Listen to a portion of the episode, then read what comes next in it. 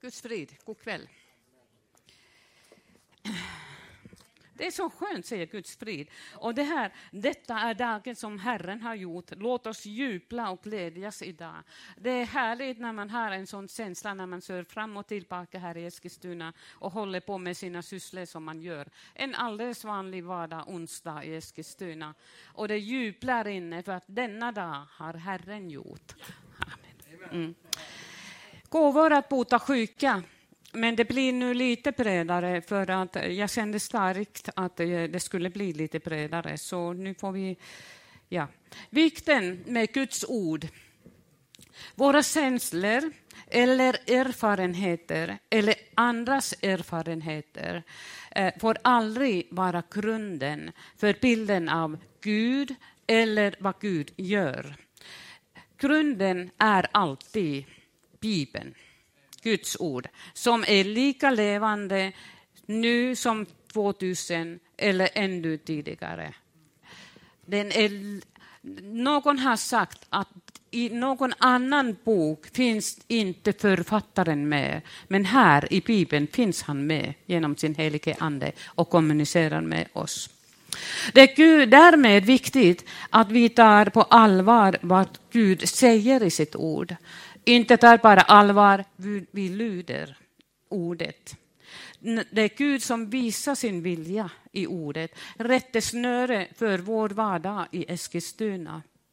Och Guds välsignelse och hjälp ligger i det att vi är lyhörda, att vi, väl, eh, eh, vi följer det som Gud säger i sitt ord. Annars vore det meningslöst att ha någonting att göra med Guds ord.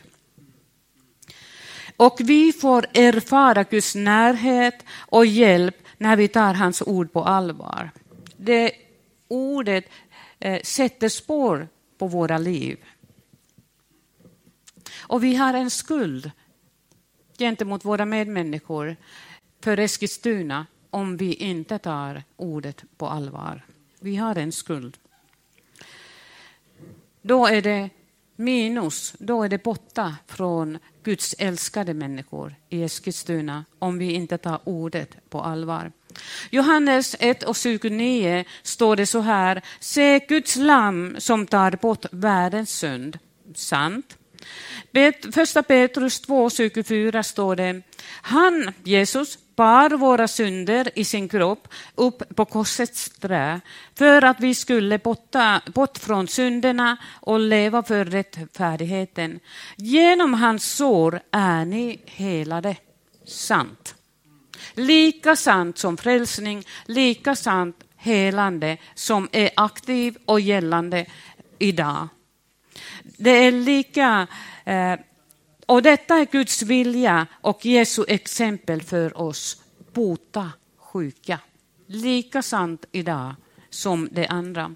Och Jesus är vårt exempel i helande tjänsten. Första Petrus, jag går väldigt snabbt nu för att eh, vissa, jag bara läser, läser, läser, för att jag vill lyfta fram bara en bråkdel ändå, men vad som står i Bibeln. Petrus, första Petrus 2 och 21 skriver han, Kristus led i ert ställe och efterlämnade ett exempel åt er, för att ni ska följa i hans fotspår. Alltså det som han visar i Bibeln, hur han gick och botade, hjälpte, eh, förlät synder. Allt som han gjorde i Bibeln är ett exempel för oss som vi ska följa idag, 2019, december. Matteus 16, 24. Om någon vill följa mig ska han förneka sig själv och ta sitt kors och följa mig väldigt dramatisk eh, under denna tidsperiod. Individualismen råder överallt. Min rätt, min rätt. Men han säger, det är tvärs emot, ta ditt kors och följ mig. Var beredd att korsfästa dina önskningar, dina tankar när jag ber om dig någonting tvärs emot det som världen, nutiden säger. Men vi ska ju vara annorlunda. Vi är ju Guds rikes medborgare, eller hur? Och det är ju för vårt bästa. Han ger ju bara goda, bra saker för oss. Johannes 14.12. Jag säger er sanningen, den som tror på mig ska göra de gärningar som jag gör och större än så ska han göra för jag går till Fadern. Större än det som Jesus gjorde lovar han här att vi kan göra. Vi krymper, jag ser att ni krymper. Jag krymper också. Men vänta ni bara, vi kommer till det. Det är inte frågan om, det är om frågan om helige ande. Var, varför helade Jesus? Halleluja, nu skulle jag vilja ha en trumpet, fanfar här. Vet ni vad som hände? Wow, Gud steg på arenan. När Jesus började hela och, berätta, eh, och, och predika Guds rike har kommit, då steg Gud på arenan och genom Jesus Kristus.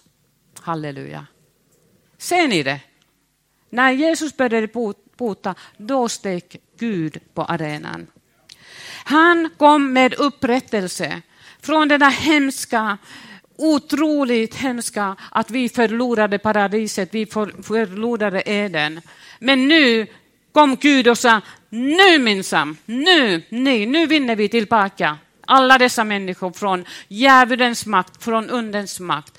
Nu kommer jag Jesus Kristus och jag försonar hela världen i Jesus Kristus så att jag kan förlåta dem genom att jag ger försoningen. Det är så någon ofattbar kärlek att det kan man inte fatta, men det är sant. Gud var i Kristus och försonade världen med sig själv. Hebreerbrevet 1 och 1 och 2 säger, sedan Gud i forna tider många gånger och på många sätt hade talat till fäderna genom profeterna, har han nu i den sista tiden talat till oss genom sin son, Jesus Kristus. Gud ville visa vem han är. I Jesus visade Gud hela sitt väsen, sina tankar, sitt hjärta, hela sig själv till världen personlighet, sina ögon och sina tankar. Allt som Jesus gjorde, det var som, det, så vill Gud göra till sina älskade människor. Det är Guds kärlek där bakom. Kroppen, kroppens och själens helande och befrielse var viktiga i, i Jesu tjänst. Hela människans helande kroppen, själen. Anden blir ju hel och helad när man tar emot frälsningen, syndernas förlåtelse eh, i, i frälsningen. Men själen har, bär många sår ofta och kroppen. Det är det som vi pratar om. Matteus 12 och 15. Många följde honom och han botade dem alla. Första Johannes 3 och 8. Men Gud, Guds son har uppenbarats för att göra slut på djävulens gärningar. Många säger ju, varför, om Gud finns, så varför låter han det se så här ut i världen? Krig, sjukdomar, elände. Men då glömmer man ju det, vad som hände med syndafallet när den underkom till världen genom Adam och Eva. Och allt detta elände, dessa, dessa demoniska hemskheter som vi får titta på tv och höra från krigsfronter. Det är inte Gud, det är människans val som är orsaken till detta.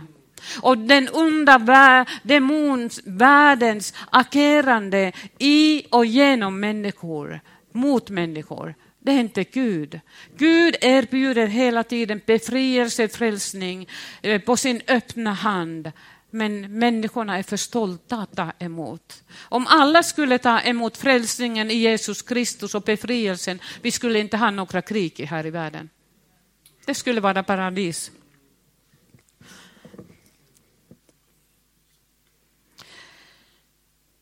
Jesus kallade, Lukas 9, 1, 8, 2 3. Jesus kallade samman de tolv och gav dem makt över alla under andra och kraft att bota sjukdomar.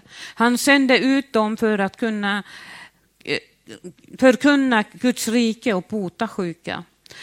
Lukas 10 och 1. Därefter utsåg Herre 70 andra och sände dem framför sig två och två till varje stad och plats dit han själv skulle komma. De 70 kom klara tillbaka och berättade, Herre, till och med onda andarna lyder oss i ditt namn. Om då, sa de, då, då fick de ju, då var det bekräftat, de hade auktoritet i Jesu Kristi namn att, eh, att eh, befria från onda andar och hela människor. Markus, eh, nej, Matteus 4, 23 och 25 säger Jesus vandrade omkring i hela Galileen och han undervisade i deras synagogor och förkunnade evangeliet om riket och botade alla slags sjukdomar och krämpor bland folket. Ryktet om honom spred sig över hela Syrien och man kom till honom med alla som led av olika sjukdomar och plågor, besatta, månasjuka och lama och han botade dem. Ni hör hela tiden frälsning, Guds rike, botandet, bota. Varför? För att Gud vill väl med människor som kommer till honom. Gud vill visa att han är nära och han vill befri, befri, befria. Matteus 9 och 35 och 36. Jesus gick omkring i alla städerna och byarna och han undervisade i deras synagogor och förkunnade evangeliet om riket om Guds rike och botade alla slags sjukdomar och krämpor. När han såg folkskarorna förbarmade han sig över dem, för de var härjade och hjälplösa. Och det här hjälplösa, eh, det kan man beskriva också som slagna och rivna.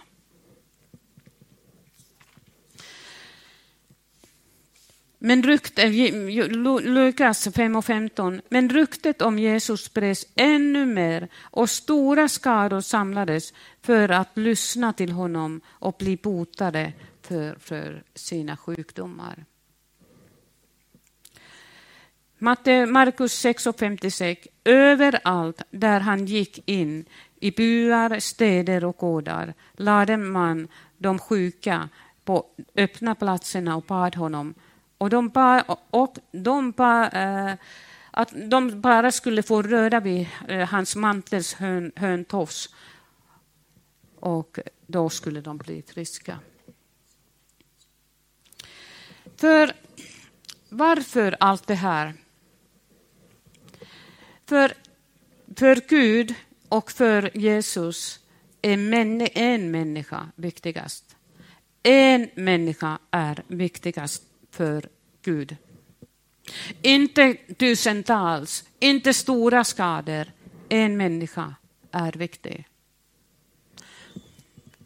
En människa som han ledde till Eskilstuna för en frälsning. Jag är säker på att jag blev sänd hit, eh, Eskilstuna, för att kunna bli frälst.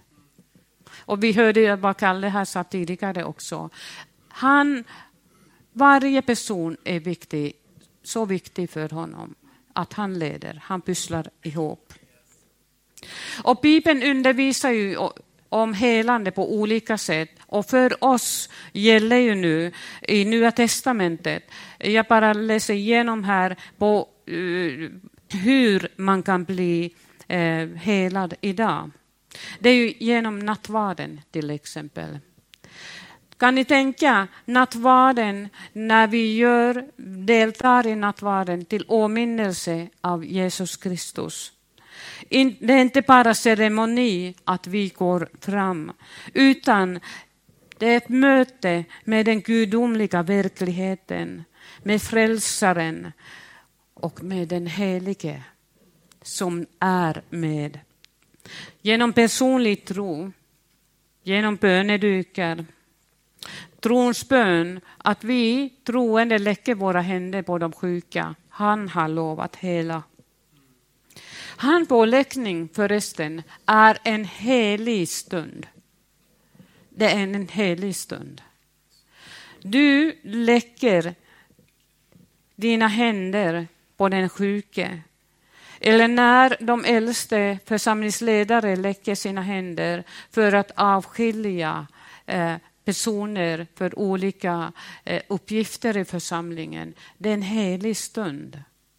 Lika helig som i profeterna i Gamla testamentet när de smorde personer i tjänst när de smorde i kungar.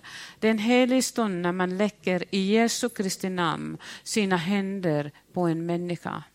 Vi måste ha stor respekt och förnade, men ändå ska vi göra det. Men det är bra att ha i åtanke och församlings, församlingens äldste, församlingsledningen, har ju speciellt en tjänsteuppgift, eh, Jakobs Jakobsbrev 5 och 15, att när man är sjuk så kan man kalla de äldste församlingsledare till sig och de ska be in tron, eh, trons bön. Och om personen har gjort syndat får hon eller han syndernas förlåtelse och man blir helad.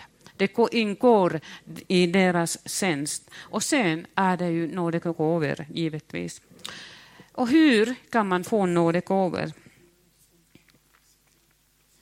Eh, Efesierbrevet 4 står det igen i, i Handbok för livet så här. Vi har samma, samma Gud och Far som står över oss alla och är i oss alla och lever genom varje del i oss. Alltså varje del i Kristi kropp lever och agerar Gud. Oss alla. Men Kristus har också gett var och en av oss en särskild utrustning. Just det som han i sin nåd vill ge oss ur sitt rika förråd av gåvor. Av nåd är vi frälsta. Och i nådens kraft tjänar vi Gud och vår nästa. Gud ger kraften. Paulus säger eh, i första Korinthierbrevet 15 och eh, 9 och 10. Paulus skriver så här. Jag är ju den minste av apostlarna, inte värd att kallas apostel, eftersom jag har förföljt Guds församling. Men genom Guds nåd är jag vad jag är. Och hans nåd mot mig har inte varit förgäves, utan jag har arbetat mer än alla andra, fast inte jag själv, utan Guds nåd som har varit med mig. Alltså, när vi ber för att få nådegåvor när vi vill eh, få dem att helige ande får komma och verka, eh, uppenbara sig själv genom oss, som det står eh, första kor 12 och 7, så får vi inte förminska oss tänka, det går ju inte för att jag är så liten, jag är inte så lyckad, jag är inte så lyckad kristen. Jag är inte det och jag är inte det och jag är inte det. Och fienden kommer och du är inte det och det och det heller. Eller hur? Men så som Paulus sa det, han hade ju hemskt för, förflutet. Men av den nåden som han fick i frälsningen, synderna var i, i, i djupet av havets vatten. De fanns inte, även om han hade minnen.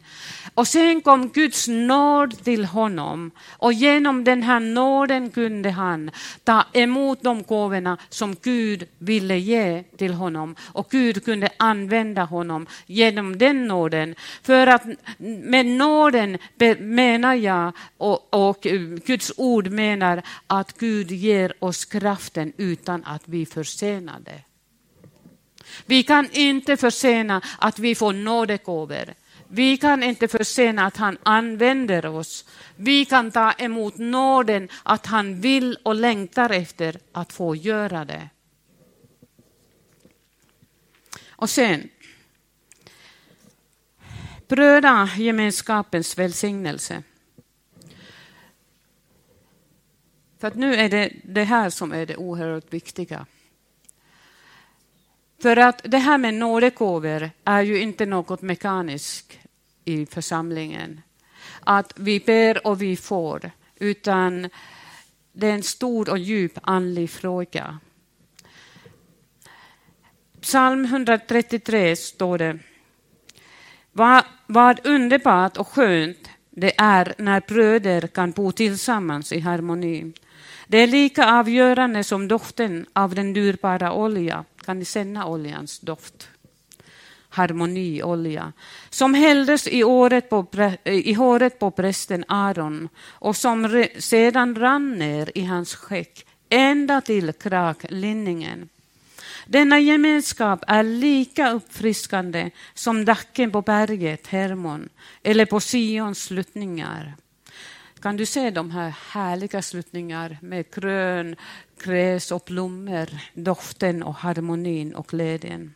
Ja, Guds välsignelse vilar över bröder och systrar, systrar som lever tillsammans i frid. Han ger dem ett liv utan slut. Detta harmoni och leva i frid, det betyder inte att alla har samma åsikt. Nej. Harmonisk musik består ju av många toner. Harmoni och frid i församlingen inkluderar många toner, många tankar med många åsikter.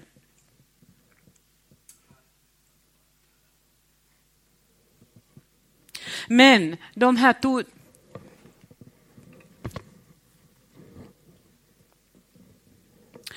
Men de här tonerna betyder ömsesidig respekt. Det betyder lyssnande. Det betyder lyhördhet. Det betyder senande. Det betyder ödmjukhet.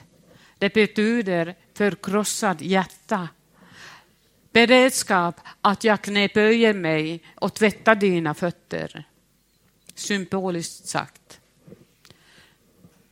Ödmjukhet. Be om förlåtelse, förlåta. Guds ande blir ledsen och bedrövad när det ligger sårade vid vägen. Guds ande blir bedrövad och ledsen, drar sig undan när det är hårda ord, när det är hat, när det är ilska. Guds ande blir bedrövad. När man härdar sitt hjärta, när man är avundsjuk och bitter, när man väljer att leva i hat, när man väljer att vara maktbegärande, mitt, min rätt, till mig. Guds ande blir bedrövad.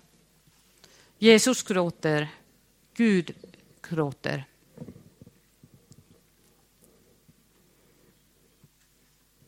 När bröder och systrar inte längre bor tillsammans i templet, i Guds hus, när någon har flytt från hemmet.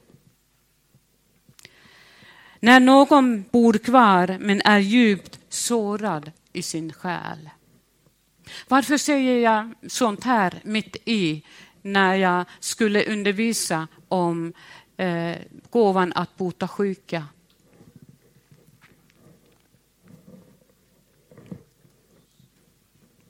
Det kom så starkt till mig att jag var tvungen att ta det här med. För att den här harmonin, friden, kärleken, att vi förlåter, vi ber om ursäkt, är grunden att helige Ande kan komma och uppenbara sig genom oss. För att om det finns i mig och dig och i församlingen något sånt som, som bedrövar anden så han flyr undan.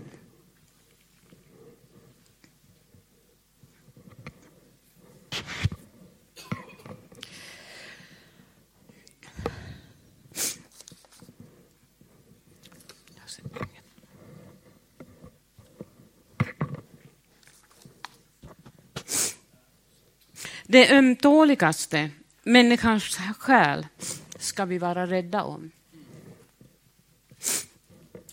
Tack.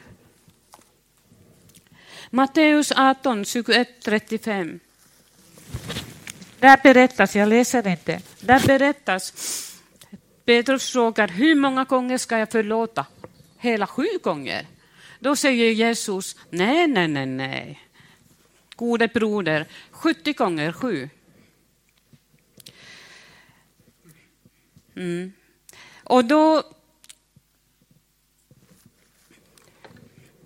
säger vers 23. Därför är himmelriket som en kung som ville ha redovisning av sina senare.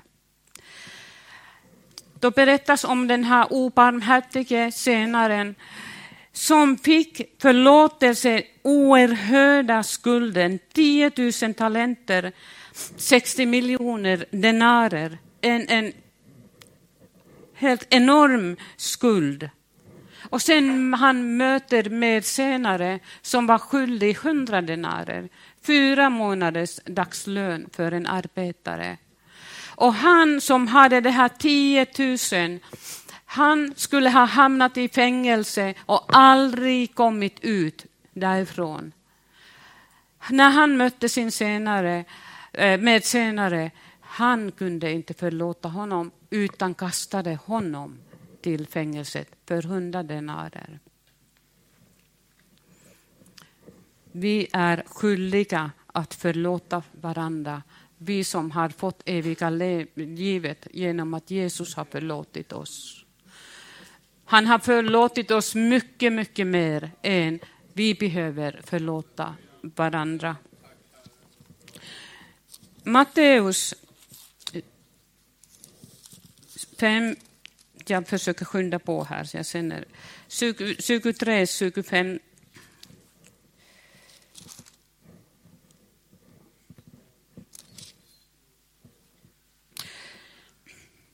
Och här är det eh, Jesus säger om en person som skulle bära sin gåva till templet och altaret. Därför, om du bär fram din gåva till altaret och där kommer ihåg att din broder har något emot dig, eller du kommer ihåg att din syster har något emot dig, så lämna din gåva framför altaret och gå först och försona dig med din broder och syster. Kom sedan och bär fram din gåva. Det här stället säger för mig att det är lönlöst att gå och sena Gud och lämna sin gåva eller göra något om man har något orätt i sitt hjärta. Om man har och vet att någon har emot dig, då vill Gud först att du går och för, först försoning, sedan att fortsätta tjäna Gud. Göra det rätt rätta med medmänniskor och få det rätt relation med Gud. För att i Guds församling är relationerna det viktigaste.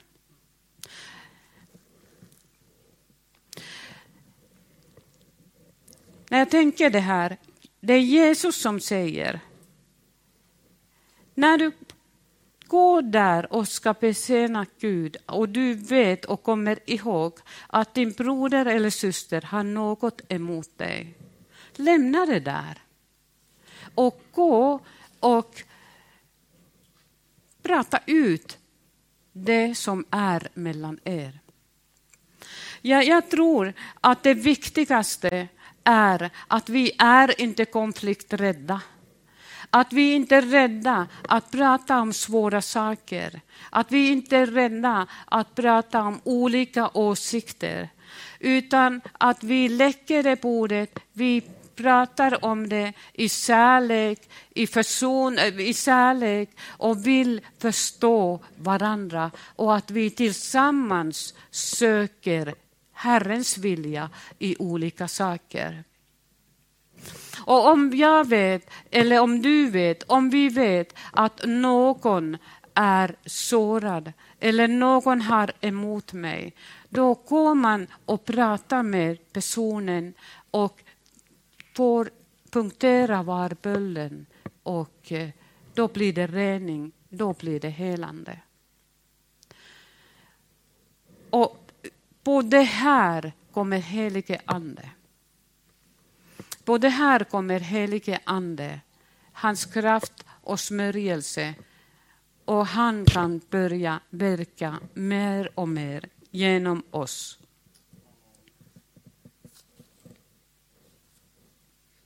Jag tror att jag måste sluta här, jag hinner inte längre det ikväll. Mm. Men, men jag skulle bara dra en slutklämma.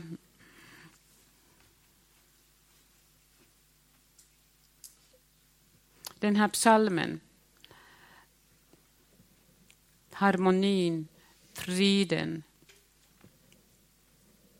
som blir när vi förlåter när vi går och pratar om svåra saker. Det som ändå lever och ligger där under och orsakar sår, tårar eh, i, i, i människors inre. När vi i försoningens och kärlekens ande, när vi gör detta så kan den helige Ande komma och ge oss ännu mer och rikare nådegåvor. Amen.